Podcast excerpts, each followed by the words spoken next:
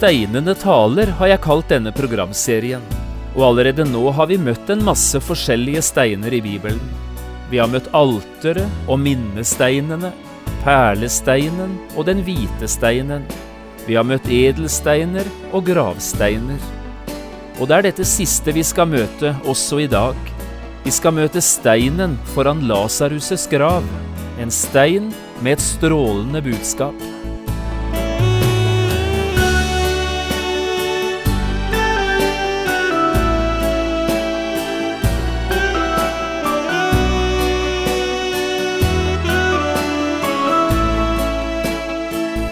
Hjertelig velkommen til et nytt program i serien Vindu mot livet.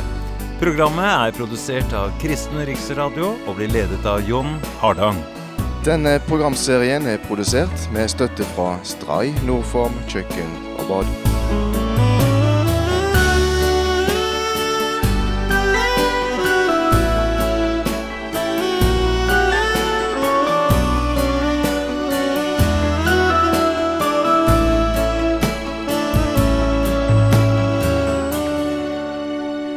Vi skal også i dag fortsette denne bibelundervisningsserien som vi har kalt Steinende taler. I 18 programmer skal vi prøve å løfte fram en del av de steinene vi finner i Bibelen, og høre hva de har å fortelle oss. For steiner kan tale. Det skal du få en rekke eksempler på i denne serien. Du kan også få kjøpt denne programserien på CD ved å henvende deg til P7 Kristen Riksradio. I dag skal vi reise til Betania, en liten landsby som ligger på østsiden av Oljeberget, ikke mange kilometer unna Jerusalem. Og vi skal lese om det som skjedde etter at to søstre, Martha og Maria, hadde mistet sin bror, Lasarus. Han var død etter kort tids sykdom. Vi skal finne fram til Johannesevangeliet i kapittel 11 og der lese vers 32 til 44. Dette handler om hva som skjedde fire dager etter begravelsen. Jeg har kalt dette programmet Ta steinen bort. Da Maria kom dit hvor Jesus var, og fikk se ham, falt hun ned for hans føtter og sa til ham, Herre, hadde du vært her, da var min bror ikke død. Da nå Jesus så henne gråte, og så de jødene gråte som var kommet sammen med henne, ble han opprørt i sin ånd og rystet. Og Jesus sa, Hvor har dere lagt han? De sier til ham, Herre, kom og se. Jesus gråt, og jødene sa da, Se hvor han elsket ham. Men noen av dem sa, kunne ikke han som har åpnet den blindes øyne, også ha gjort det slik at denne mannen ikke var død? Jesus ble da igjen opprørt i sitt indre. Han kom til graven, det var en hule, og en stein lå foran den. Jesus sier, Ta steinen bort. Martha, den dødes søster, sier til ham, Herre, han stinker allerede, for han har ligget der fire dager. Jesus sier til henne, Sa jeg deg ikke at dersom du tror, skal du se Guds herlighet? De tok da steinen bort. Jesus løftet sine øyne mot himmelen og sa, Far, jeg takker deg fordi du har hørt meg.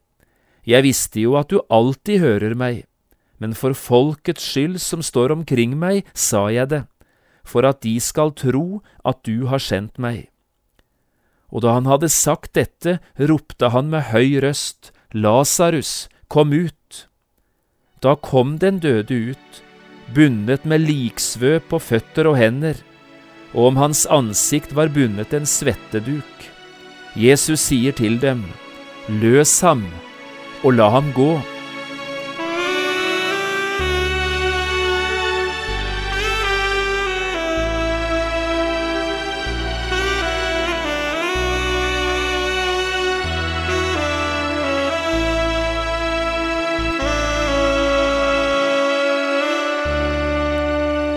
Steinende taler har vi altså kalt denne programserien, og så langt har vi møtt en rekke forskjellige steiner i Bibelen.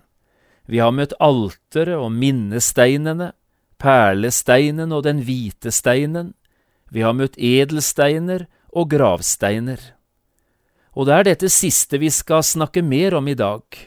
Vi skal møte gravsteinen i Betania, den som lå foran Lasarus sin grav. Vi har allerede tidligere møtt en slik gravstein, nemlig ved Kristi grav. Men også den steinen vi skal møte i dag, i Betania, har et sterkt budskap å formidle. Budskapet er egentlig så sterkt at hadde det ikke vært Gud selv som formidlet det, ja, så hadde vi aldri trodd det, noen av oss. Det å møte steiner på en gravplass er ikke uvanlig, verken i Bibelen, i Israel eller i Norge. Steinene kan riktignok bli brukt på forskjellig måte om vi sammenligner Norge og Israel, men likevel, steiner på en gravplass er en ganske vanlig sak. Her i Norge møter vi gravsteinen ute på kirkegården, disse som står der med navn og datoer og minneord. I dagens Israel er som regel selve graven laget av stein, og i stedet for å legge blomster på graven, slik vi er vant til, så legger israelerne små steiner oppe på graven. Det er deres måte å hedre den avdødes minne på. Men også i Bibelen møter vi gravsteinene, men da på en helt annen måte. På bibelsk tid ble nemlig de døde lagt inn i en klippegrav, altså en hule i fjellet. Og så ble det rullet eller veltet en stor, rund stein foran åpningen, så graven skulle bli stengt både for mennesker og for lukt. Slik var det ved Kristi grav, og slik var det her i Betania, ved Lasarus sin grav. Og det er altså denne siste steinen som nå skal tale til oss steinen som lå foran Lasarus' grav i Betania. Om denne steinen forteller Bibelen to ting. Først at den i forbindelse med Lasarus' begravelse ble rullet foran åpningen, slik det var vanlig på denne tiden. Men så, da Jesus kom for å besøke denne graven, fire dager etter begravelsen, så befalte han at stenen igjen skulle tas bort det er denne steinen som nå skal tale til oss, og den taler om Han som er sterkere enn døden, om Jesus, Guds sønn.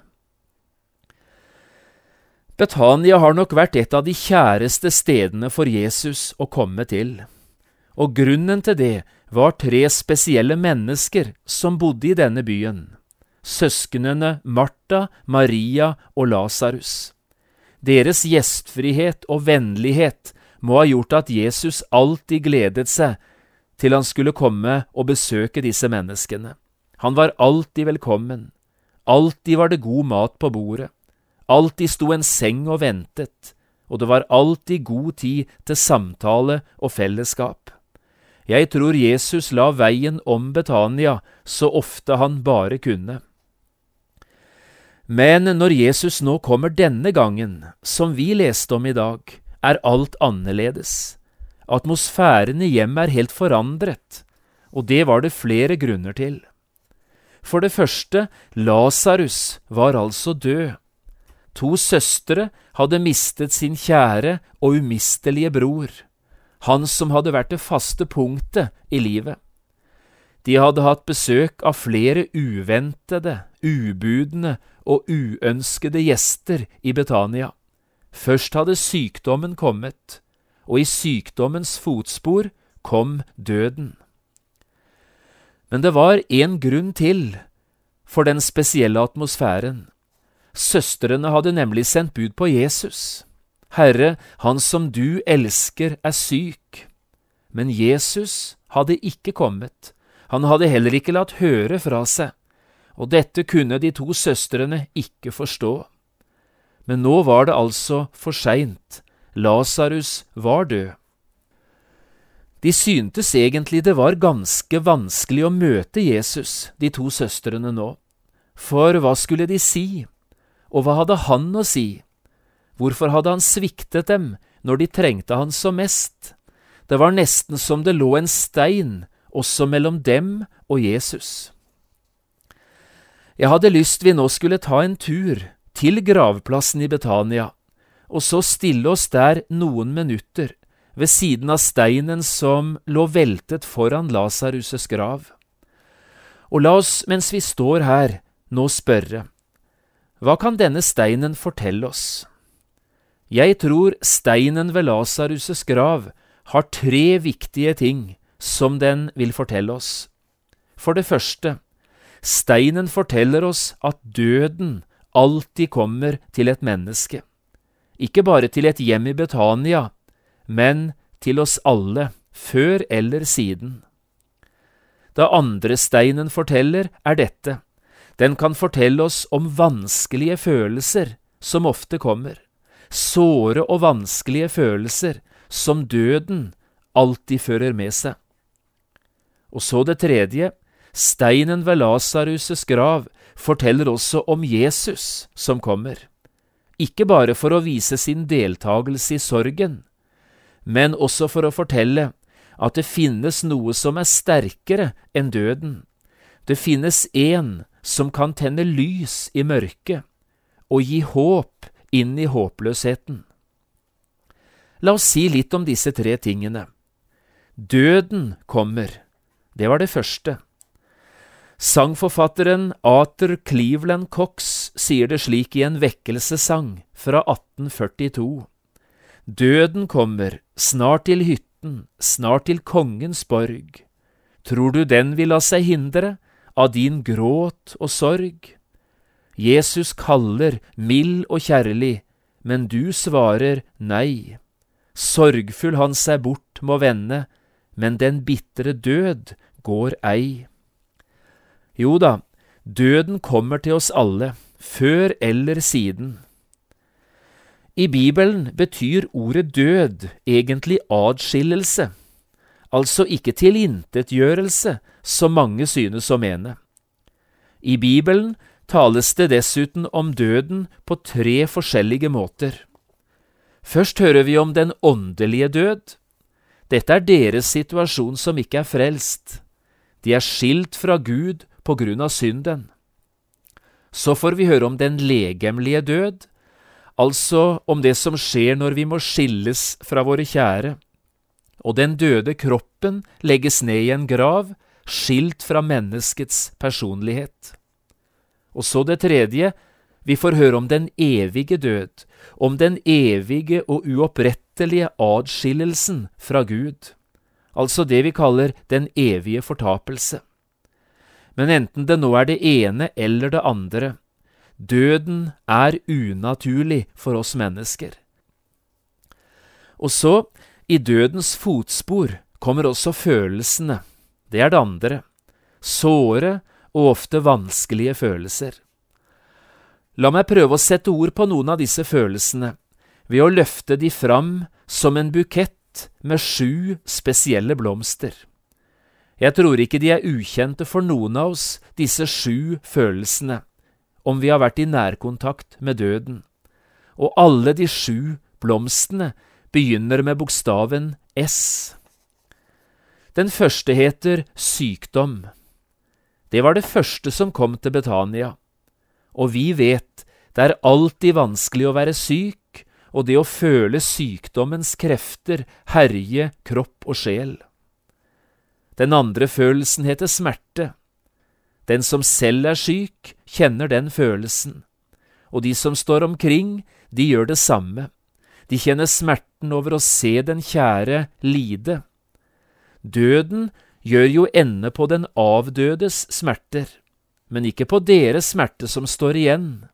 Døden etterlater seg ofte en bunnløs sorg og smerte til de etterlatte.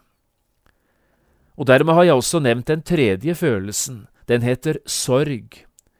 Du kan tro de visste hva det var i Betania, og du vet kanskje litt om det, også du som lytter nå. Ikke alle mennesker opplever sorgen likt, men den kommer nok til oss alle, hver på sin måte. Da skal vi ikke flykte fra den, men heller prøve å gjennomleve sorgen. Den fjerde følelsen heter savn. Også i Betania måtte de leve videre, med en tom seng og en tom plass ved bordet. Det var som tomrommet ropte mot dem, sterkere enn ord, om han som var borte. Savnet er kanskje den av disse blomstene som nesten aldri visner.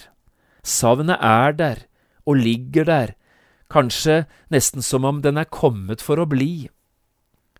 Den femte blomsten heter Spørsmålene, alle de ubesvarte spørsmålene. Hvorfor skulle Gud ta fra meg det kjæreste jeg hadde? Hvordan kan Gud tillate at slike ting skjer? Den sjette blomsten heter skuffelser. Martha og Maria hadde jo sendt bud på Jesus. De hadde nok ikke regnet med å miste Lasarus, de hadde heller tenkt han blir nok frisk igjen, bare Jesus, den store legen, kommer. Men legen kom ikke. Jesus forhindret det ikke, og skuffelsen, den var enorm. Den sjuende og siste følelsen heter selvmedlidenhet og dette er kanskje den vanskeligste å takle.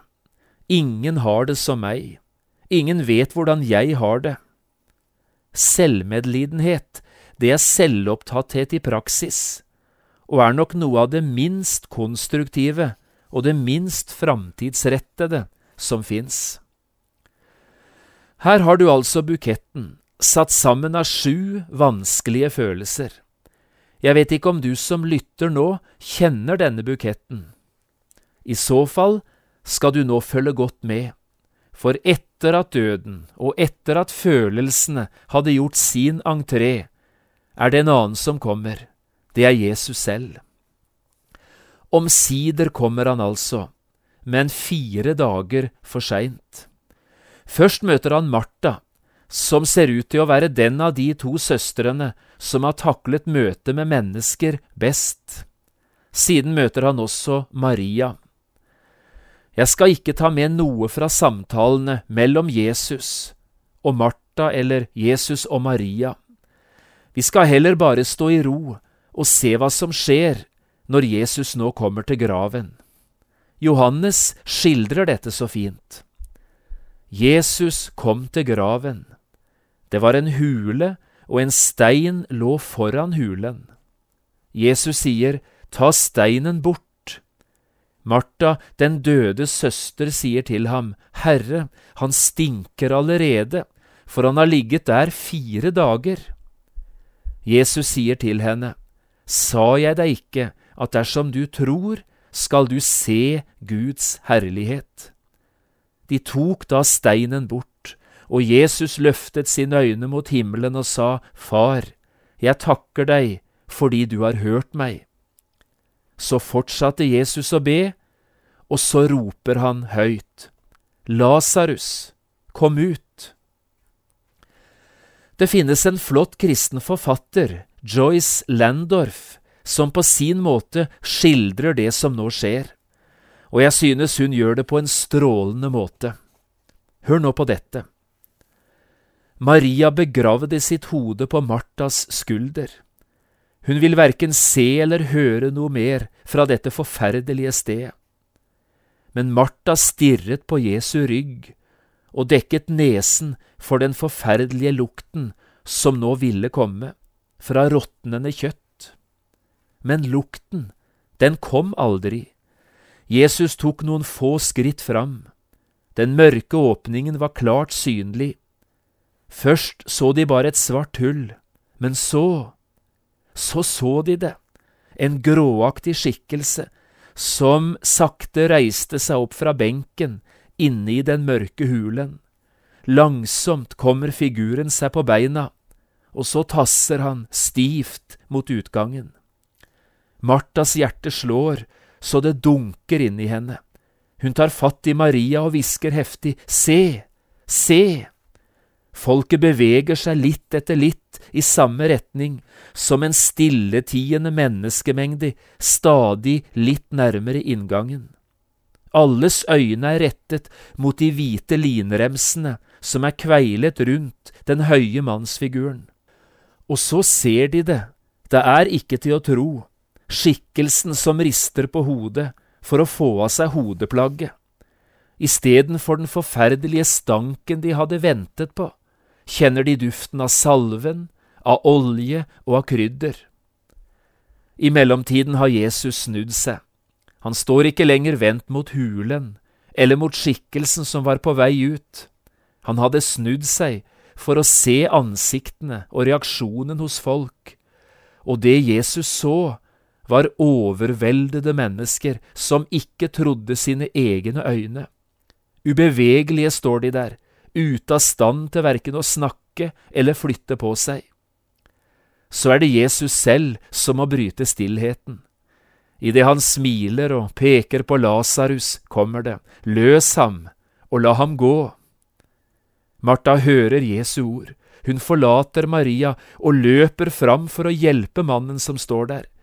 Hun griper om hodeplagget og begynner å fatte det ufattelige. Det ligger en gryende gjenkjennelse i ordene Lasarus, er det virkelig deg? Det er nesten som ordene setter seg fast i halsen hennes. Hårfargen og øyenfargen, jo, det er Lasarus, men huden er ikke lenger blek på grunn av sykdom, den har en sunn, frisk farge, og øynene hans er strålende i fraværet av smerte. Lasarus smiler bredt og så kommer det nesten ertende, Martha, skal du stå der og se hele dagen, har du ikke tenkt å hjelpe meg ut av alt dette? Og Martha, nei, hun vet ikke om hun skal le eller gråte. Jeg synes dette er en fantastisk beskrivelse av hva som skjer med et menneske som finner veien fra mørket til lyset, fra døden til livet. Bestemor og bestefar ligger gravlagt på en enkel gravplass utenfor den hvite korskirken oppe i Åmotsdal i Seljord kommune. Gravsteinen er gammel og slitt, og ordene ikke så tydelige å lese lenger. Men fortsatt lyser noen nydelige ord nederst på steinen. Vet du hva det står? Me møtast på oppstandelsens morgon i Betania ble én mann ropt ut av graven, Lasarus. Men en dag skal et annet rop lyde, et bydende rop. Da skal alle dem som døde i troen på Jesus, hvert eneste menneske som trodde på han, stå opp til et nytt og herliggjort liv, til det evige livet. Nå må også du som lytter, sørge for at du lærer denne Jesus å kjenne så også du får være med på dette store møtet på oppstandelsens morgen.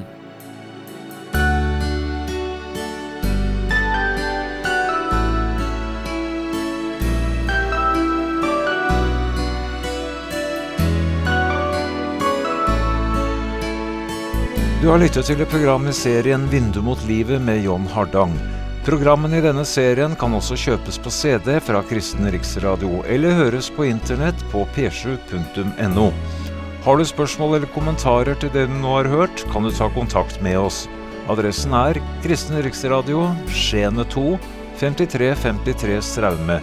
Eller send en e-post vml alfakrøll p7.no. Takk for i dag, og på gjenhør.